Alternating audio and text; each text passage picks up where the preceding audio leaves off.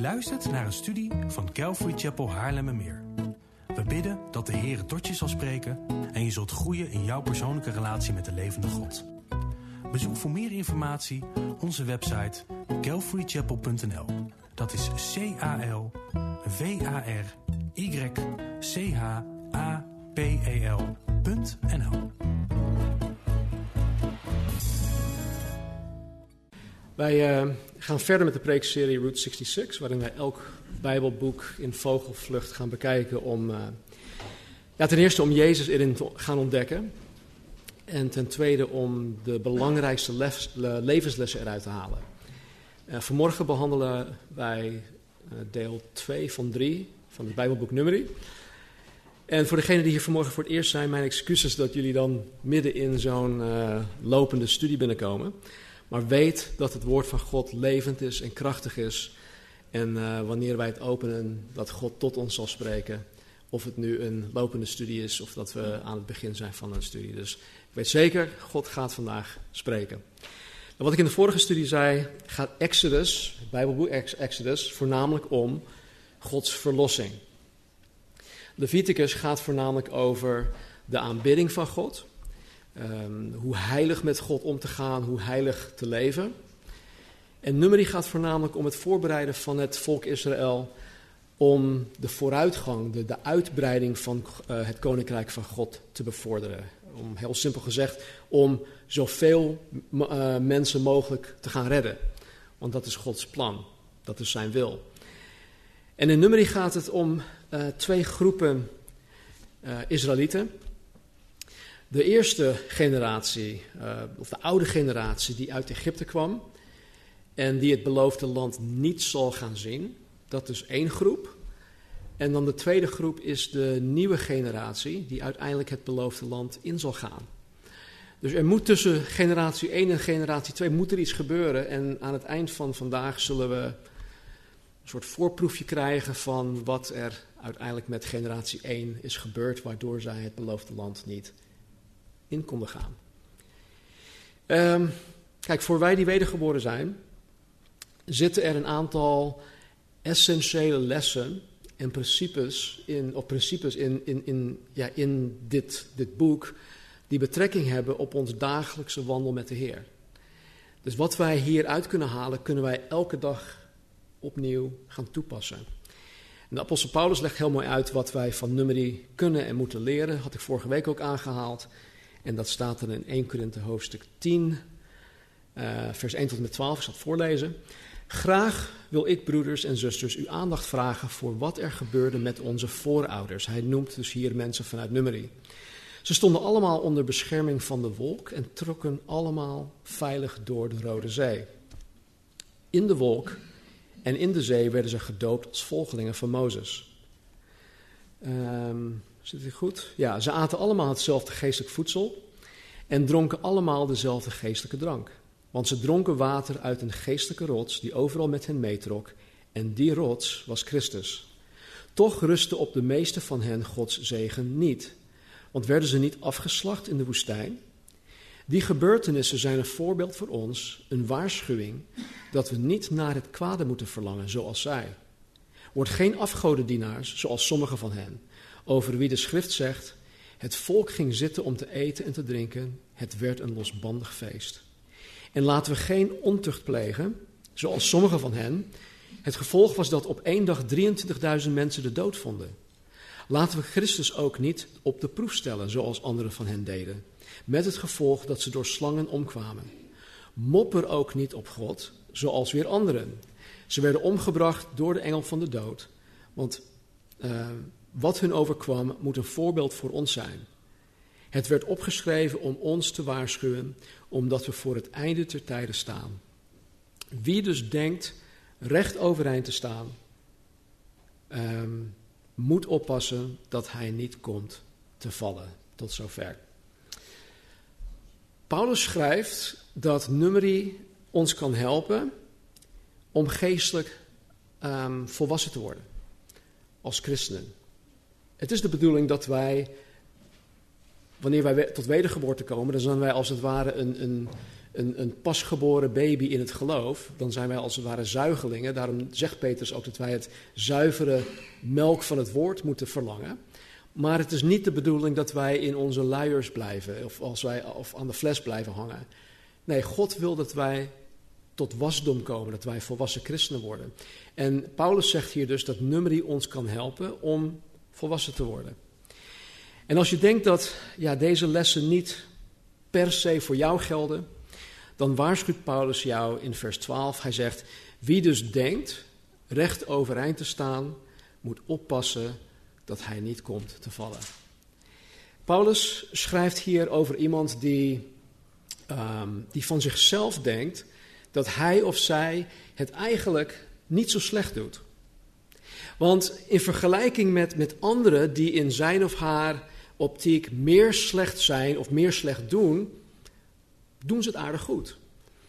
Maar kijk, de maatstaf waaraan iedere wedergeboren christen zich moet meten, is niet hoe goed of hoe slecht zij het doen ten opzichte van anderen. We horen onszelf nooit met anderen te vergelijken. De maatstaf is Jezus Christus.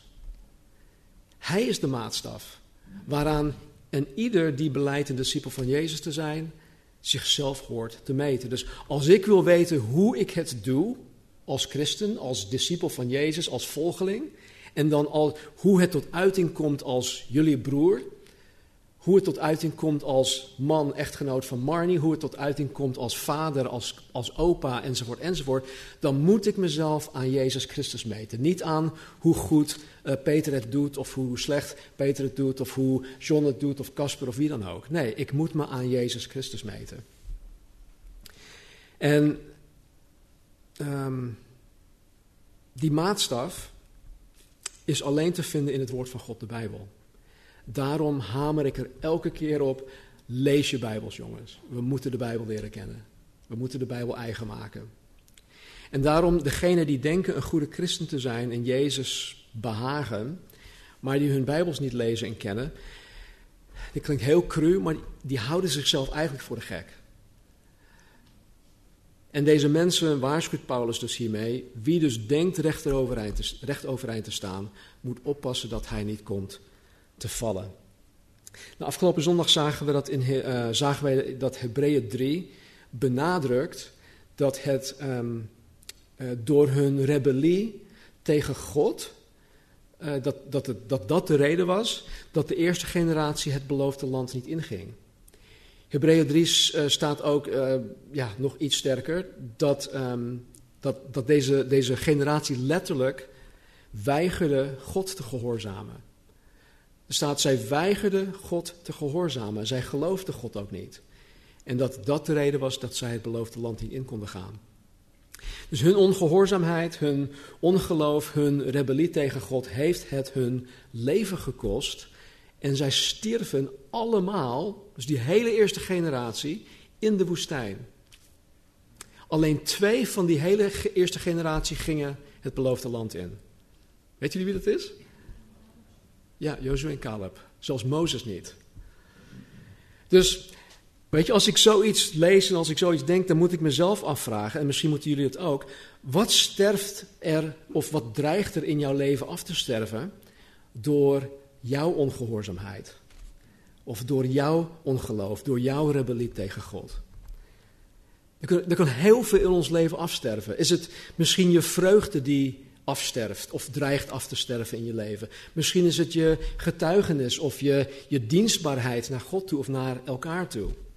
Misschien sterft um, ja, stappen in geloof af of misschien sterft je huwelijk af of misschien andere relaties. Heel veel kan doodgaan door ongehoorzaamheid, door ongeloof, door te rebelleren tegen God. En u weet natuurlijk dat God nu in het tijdperk van genade anders omgaat met zijn kinderen dan toen. Maar hij is nog steeds dezelfde. God verandert niet. Het is niet zo dat God in, in, in het Oude Testament een boze God was en dat hij tussen de testamenten in een soort anger management cursus heeft gedaan en dat hij nu ineens een liefdevolle, warm beertje is. Nee, hij is nog steeds dezelfde. Dus wat, voor wat betreft zijn maatstaven, gehoorzaamheid, geloof en overgave, die zijn precies hetzelfde nu als in nummerie. Dus vergis je daarin niet. We zijn afgelopen zondag geëindigd bij hoofdstuk 8. En in hoofdstuk 9, waar we het vandaag oppakken, zien wij een prachtig principe dat ons vandaag de dag ontzettend kan helpen om met de Heer te wandelen. Om met de Heer te wandelen zoals Hij dat graag wil. Er staat in Nummerie hoofdstuk 9, vers 15, 15 tot 17 dit. Op de dag dat de tabernakel werd opgebouwd, bedekte de wolk de tabernakel, de tent van getuigenis. En s'avonds was hij op de tabernakel als een verschijning van vuur, tot de volgende morgen. Zo was het voortdurend.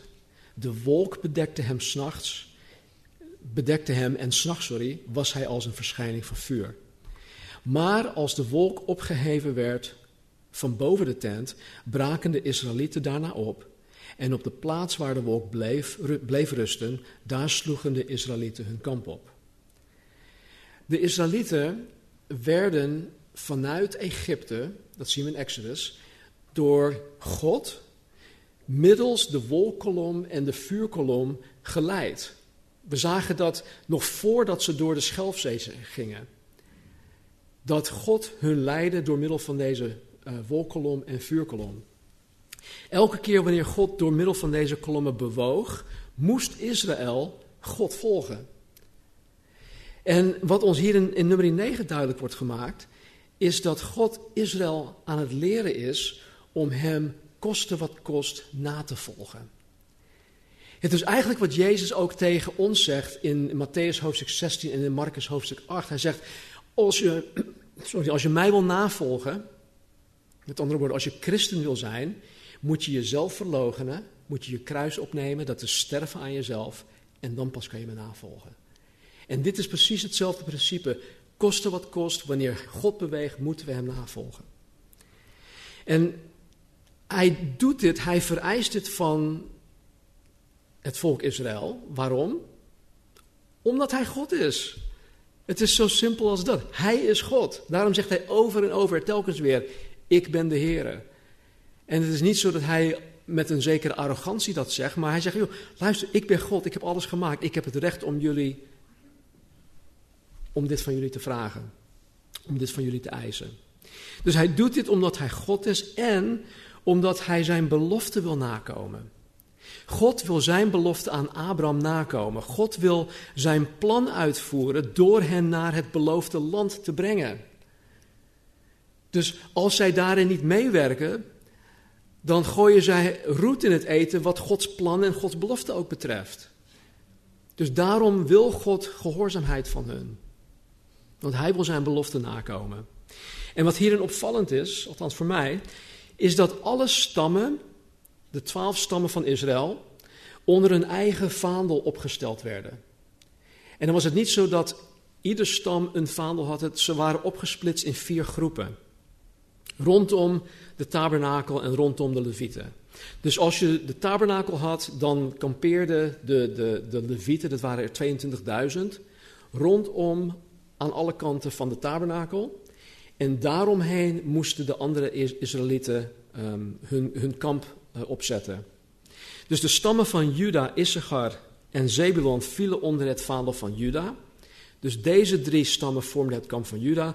De stammen Ruben, Simeon en Gad vielen onder het vaandel van Ruben. Dus deze drie stammen vormden het kamp van Ruben. Stammen van Ephraim, Manasse en Benjamin vielen onder het vaandel van Ephraim.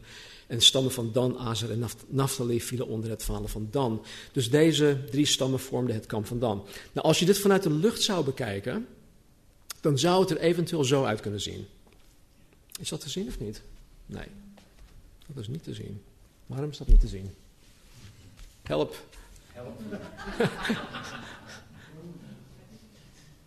Deed het hiervoor wel? Ook niet.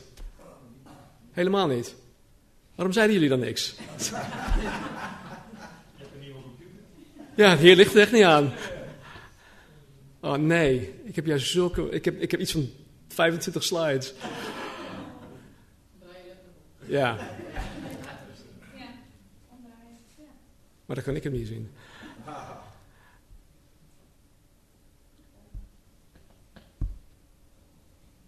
Ja? Nee? Is hij aan?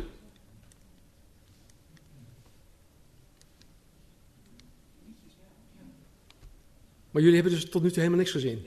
Dat meen je niet. Ja, oké.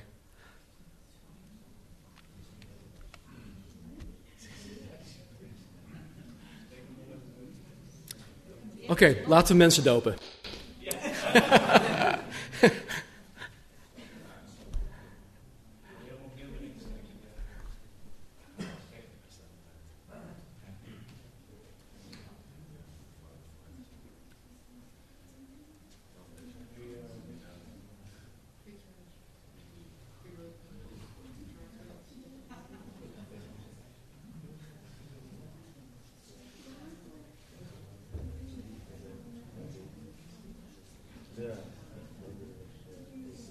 Hij is wel aangesloten.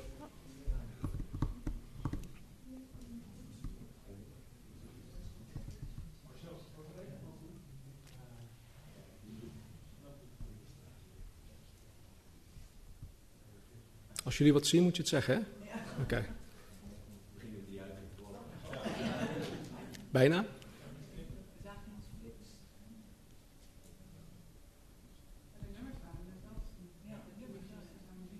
Ja, dat wordt vanaf daar geprojecteerd. Andere verbinding. Ja.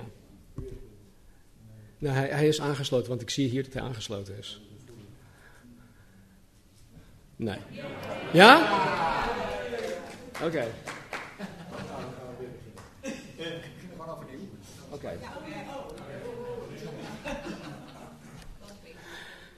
Oké, vanmorgen gaan we verder met onze studie uh, Route 66. nee, als je dit dus vanuit de lucht zou bekijken, dan zou het er eventueel zo uit kunnen zien.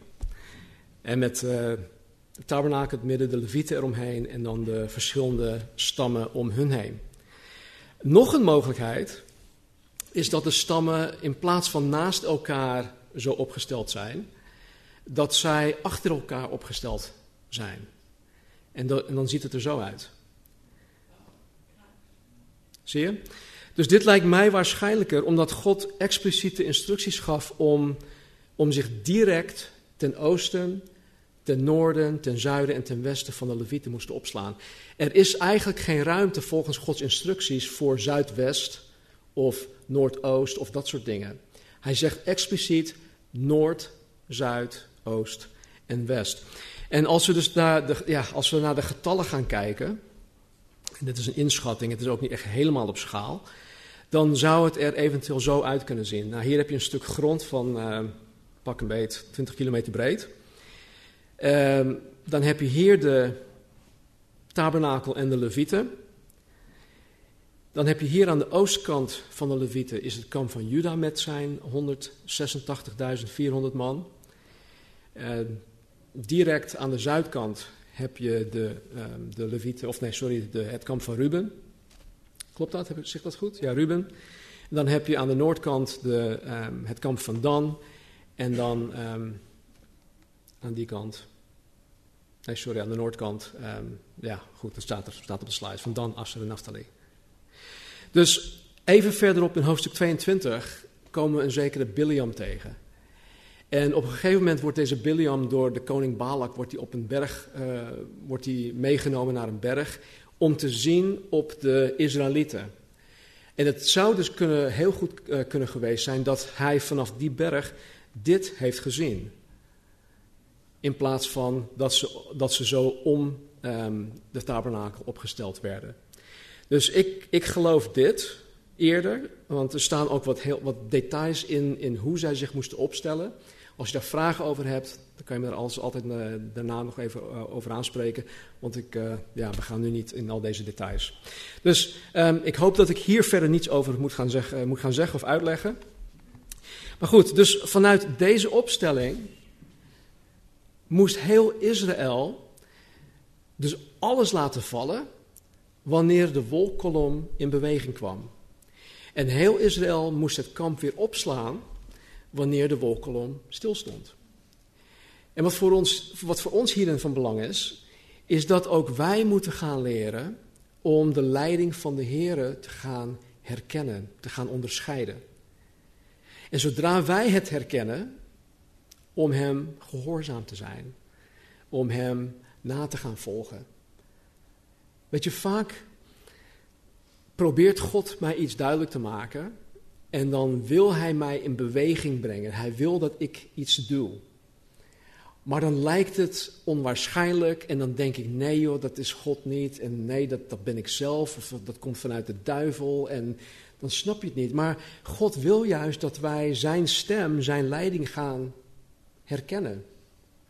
En dat komt niet van de ene dag op de andere dag. Je moet die relatie met God aangaan. Je moet met je snuffert in de Bijbel zitten. Want dan ga je pas God leren kennen. Dan ga je zijn stem onderscheiden. Want er komt zoveel op je af. Er komt dagelijks zoveel op je af.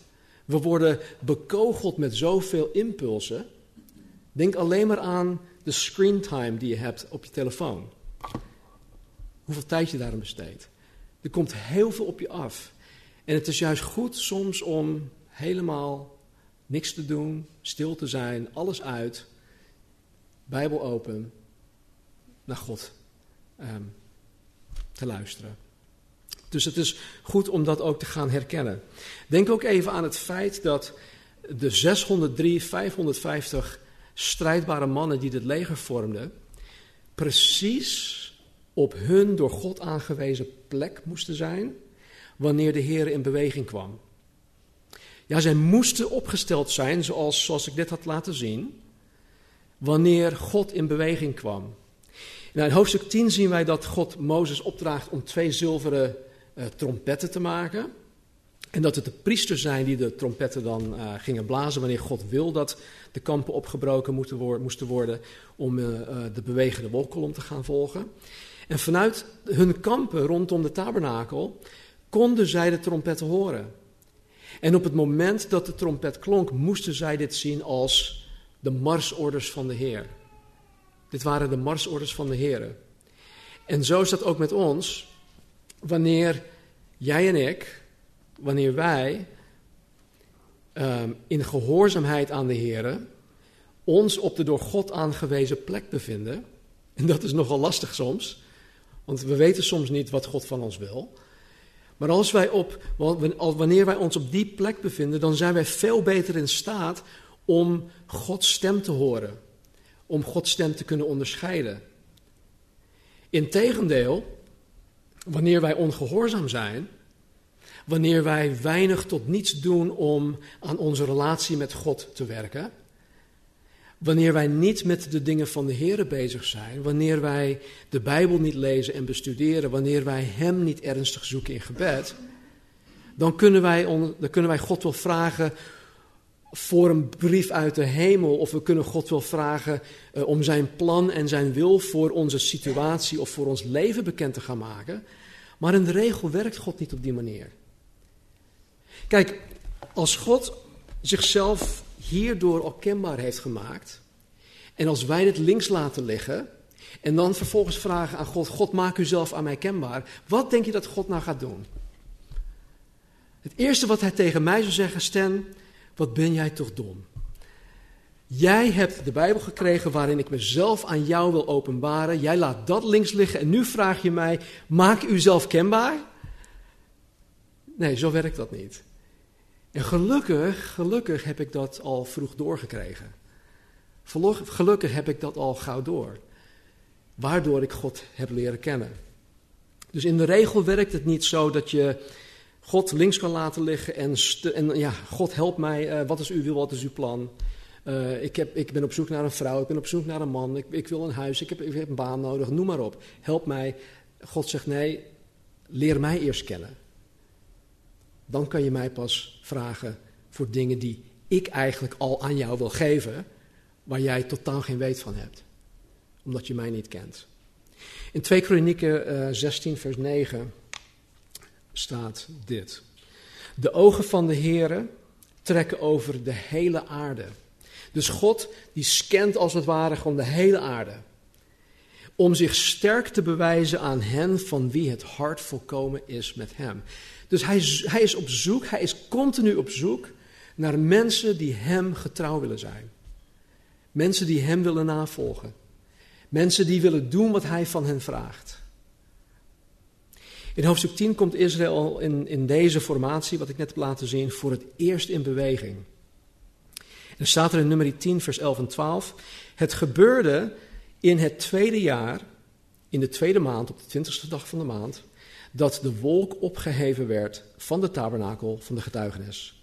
De Israëlieten braken op en trokken van rustplaats tot rustplaats uit de woestijn Sinaï en de wolk bleef rusten in de woestijn Paran. Israël wordt nu, voor, of wordt nu door de Here richting het beloofde land geleid. Maar wat ik in de vorige studie ook al zei, is dat het een, een reis van elf dagen moeten zijn, moeten zijn geweest. Het is uiteindelijk een reis van 38 jaar geworden. en ja, de vraag is dan, ja, waarom duurde het zo lang? Nou, de reden hiervoor is drie um, kleine zonden. En dat zijn drie uh, ogenschijnlijk verwaarloosbare zonden. Het zijn zonden die zich hadden geworteld in de harten en in de gedachten van de mensen. En die uitgroeiden tot die ene grote zonde, de druppel die de emmer deed overlopen. Waardoor God zei van, nee, nu is het, nu is het, nu is het over, nu is het klaar. De drie kleine zonden waren in de ogen van de mensen blijkbaar niet zo erg. Wij, wij hebben dat ook. Met sommige dingen denken we ook van ja, maar dat is niet zo erg. Maar God, die beter weet, zag dat dus totaal anders.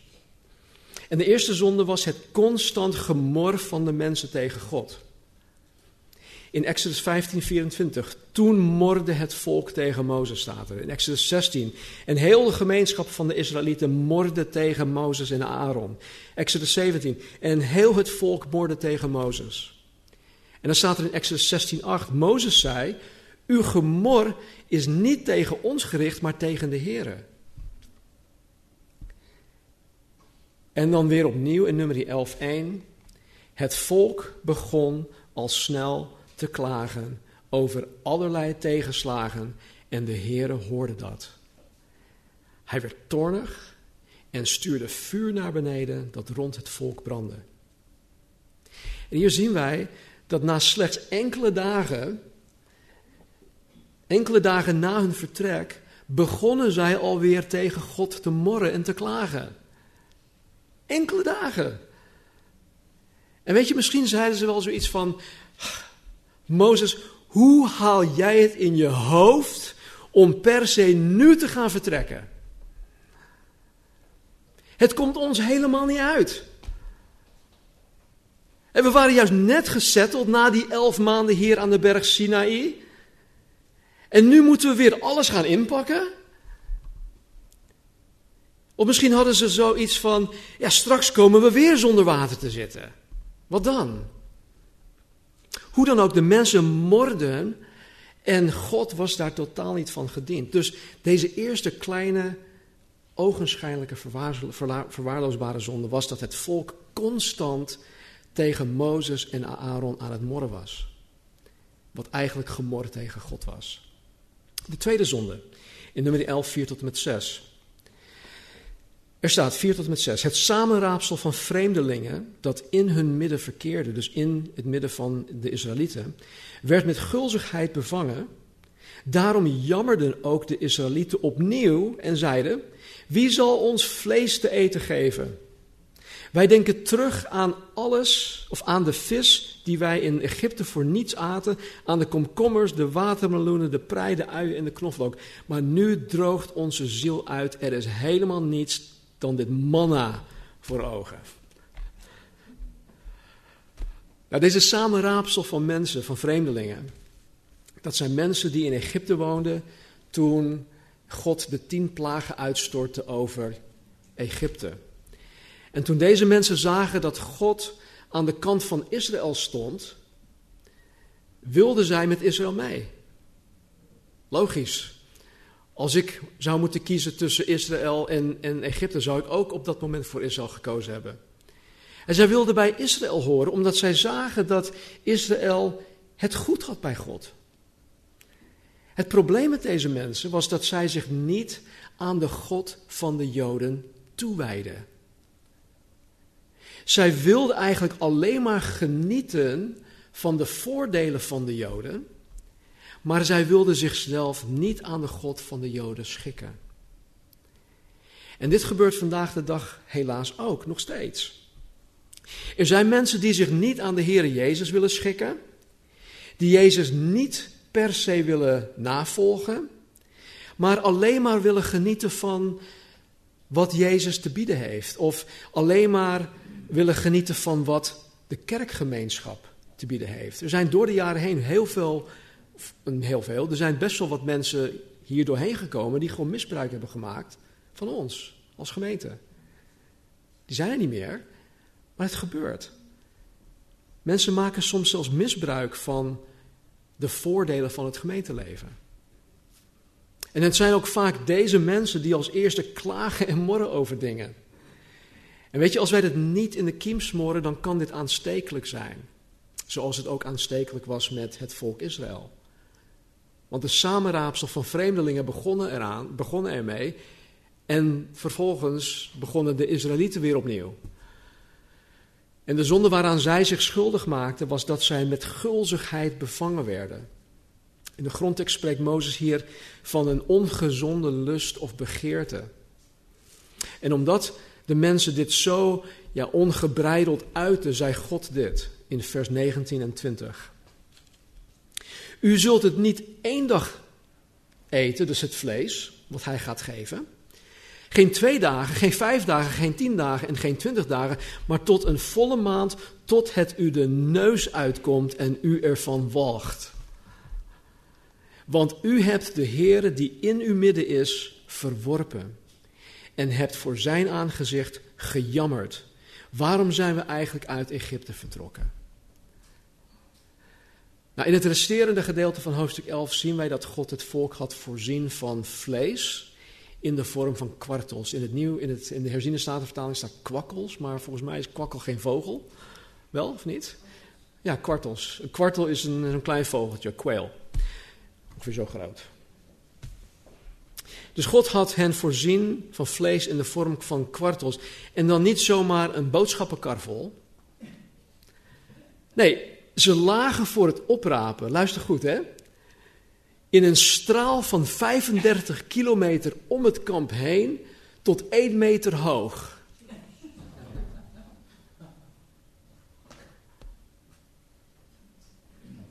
En in vers 33 en 34 staat dat God degene die de boel opstookte gedood had, waardoor die plaats de Hebreeuwse naam kreeg Kibrot Hatava, wat graven van lust betekent. Nou, ik zou het niet op mijn grafsteen willen hebben. Graf van lust. De tweede zonde was dus dat mensen zich lieten leiden door hun lusten en begeerten in plaats van dat zij gewoon tevreden waren en dankbaar waren voor alles waarin God voorzien had. De derde kleine zonde had te maken met een machtsstrijd tussen familieleden. En er staat er in nummer hoofdstuk 12, 1 en 2 dit. Mirjam en Aaron spraken over Mozes vanwege de Cushitische vrouw die hij genomen had. Want hij had een Cushitische vrouw genomen. Ze zeiden, heeft de Heer alleen maar door Mozes gesproken? Heeft hij ook niet door ons gesproken? En de Heere hoorde het.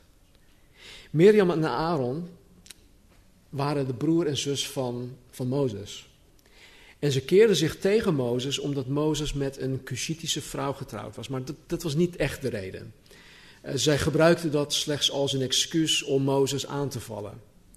En waar het eigenlijk om ging, was dat zij het niet eens waren over hoe Mozes de boel leidde.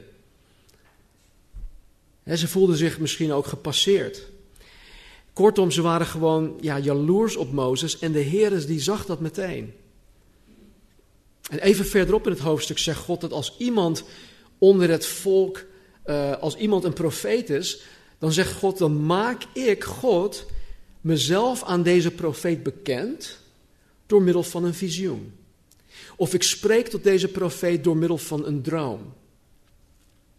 Maar in het geval van Mozes, zegt God, spreekt God rechtstreeks met hem. Sterker nog, Mozes aanschouwt de gestalte van de Heere en dan zegt God tegen Miriam en Aaron, waarom dan bent u niet bevreesd geweest om over mijn dienaar, over Mozes, kwaad te spreken?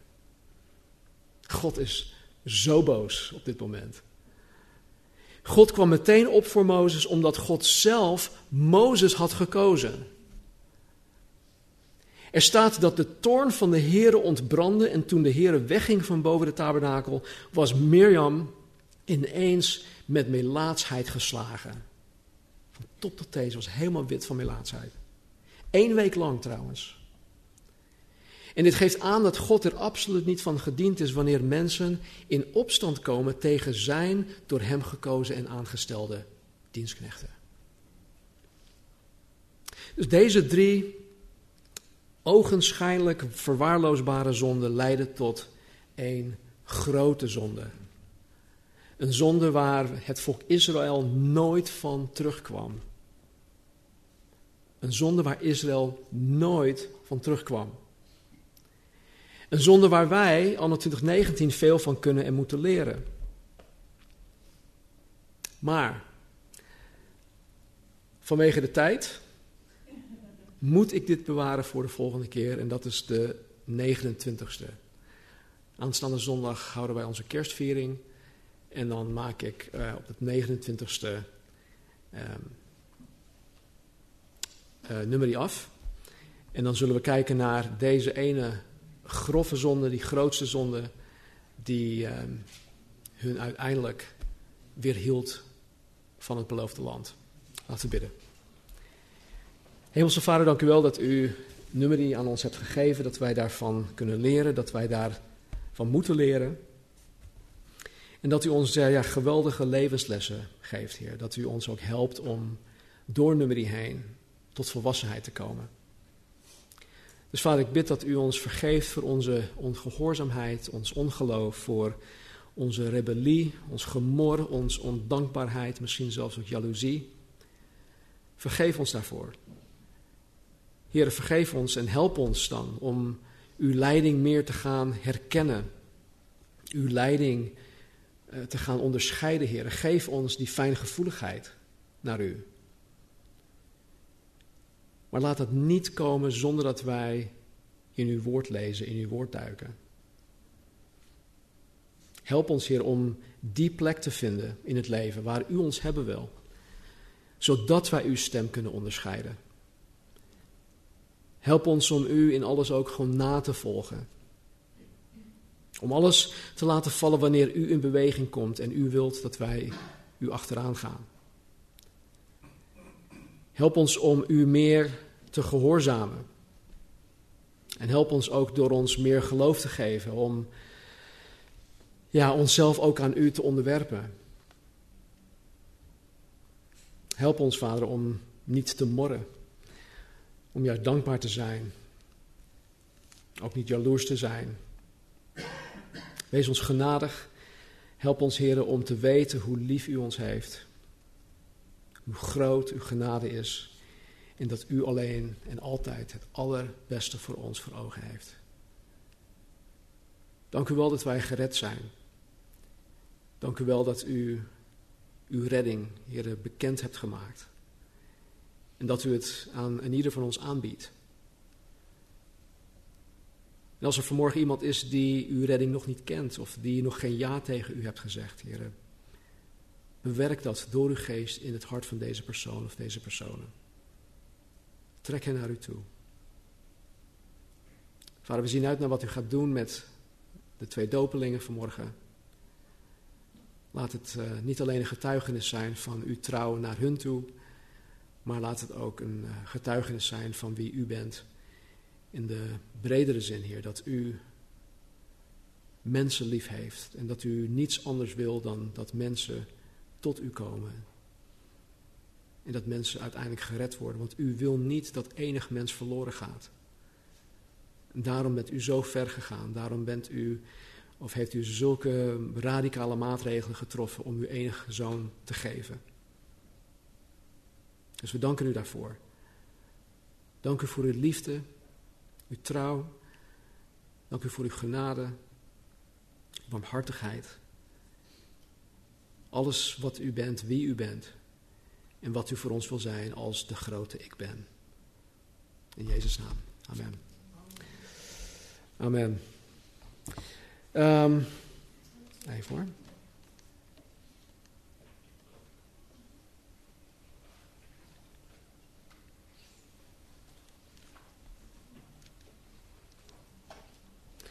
Ik denk dat die van mij nu uit is, hè?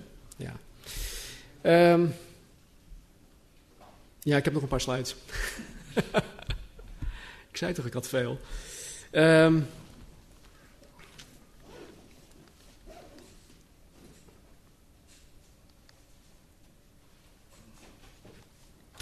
de waterdoop. De waterdoop is een prachtige uiting van geloof.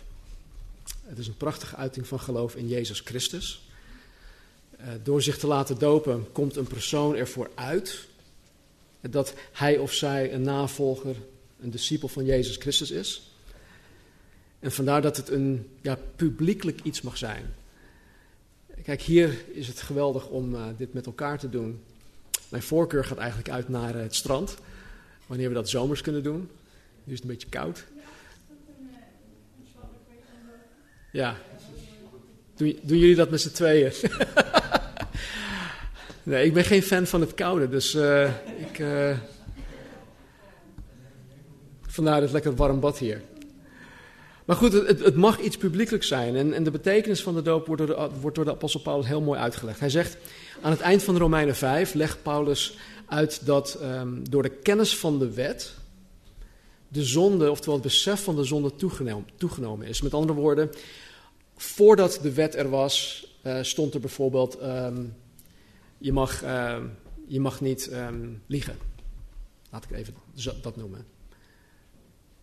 Maar nu komt de wet ineens, staat, hey, je mag niet liegen. Dan denk je, oh joh, ik heb, ik heb mijn hele leven lang gelogen, maar nu mag het dus niet. Dus dan, dan kom je tot het besef dat je iets fout doet. En dus Paulus heeft het in Romeinen 5 daarover. Dus uh, besef van zonde, dat dat toegenomen is omdat de wet is gekomen. Maar dan zegt hij dat alhoewel de zonde is toegenomen, de genade meer dan overvloedig is om die zonde te bedekken. En dan kan je, ja, dan kan je zoiets hebben van, oké, dus hey, even kijken. De zonde is toegenomen, maar de genade is overvloediger, dus ik kan eigenlijk gewoon blijven zondigen. Toch? Veel mensen denken zo, hè? Het is toch het tijdperk van genade, dus ik kan gewoon blijven zondigen. Ik kan samenwonen, ik kan dit doen, ik kan van alles doen. Maar God zegt nee. Paulus zegt, wat zullen wij dan van deze dingen zeggen? Zullen wij in de zonde blijven, opdat de genade toeneemt? Volstrekt niet. Hoe zullen wij die met betrekking tot de zonde gestorven zijn, nog daarin leven? Of weet u niet dat wij allen die in Christus Jezus gedoopt zijn, in zijn dood gedoopt zijn? Wij zijn dan met Christus, of wij zijn dan, wij zijn dan met Hem begraven door de doop in de dood, opdat evenals Christus uit de doden is opgewekt tot de heerlijkheid van de Vader, zo ook wij in een nieuw leven zouden wandelen. Het oude is voorbij. Ja, genade en liefde bedekt heel veel. Maar Titus leert ons ook dat de genade van God gekomen is om ons een goddelijk geslacht te maken. Die God wil behagen. Lees Titus 2, 11 tot en met 14 maar een keer. De waterdoop is, is enigszins symbolisch, omdat men als het ware begraven wordt wanneer men ondergedompeld wordt. En, en, uit het water, uit de dood dan opstaat om een geheel nieuw leven te leiden. Er gingen vroeger verhalen rond tijdens de Jesus Movement, um, toen pastor Chuck Smith duizenden mensen doopte in uh, Corona del Mar. Dat er iemand was, ik denk dat het een zekere Raw Reese was die dat, zei, die dat tegen hem zei. He goes, Pastor Chuck, when you baptize me, hold me down a long time because there's a lot of sin to be buried.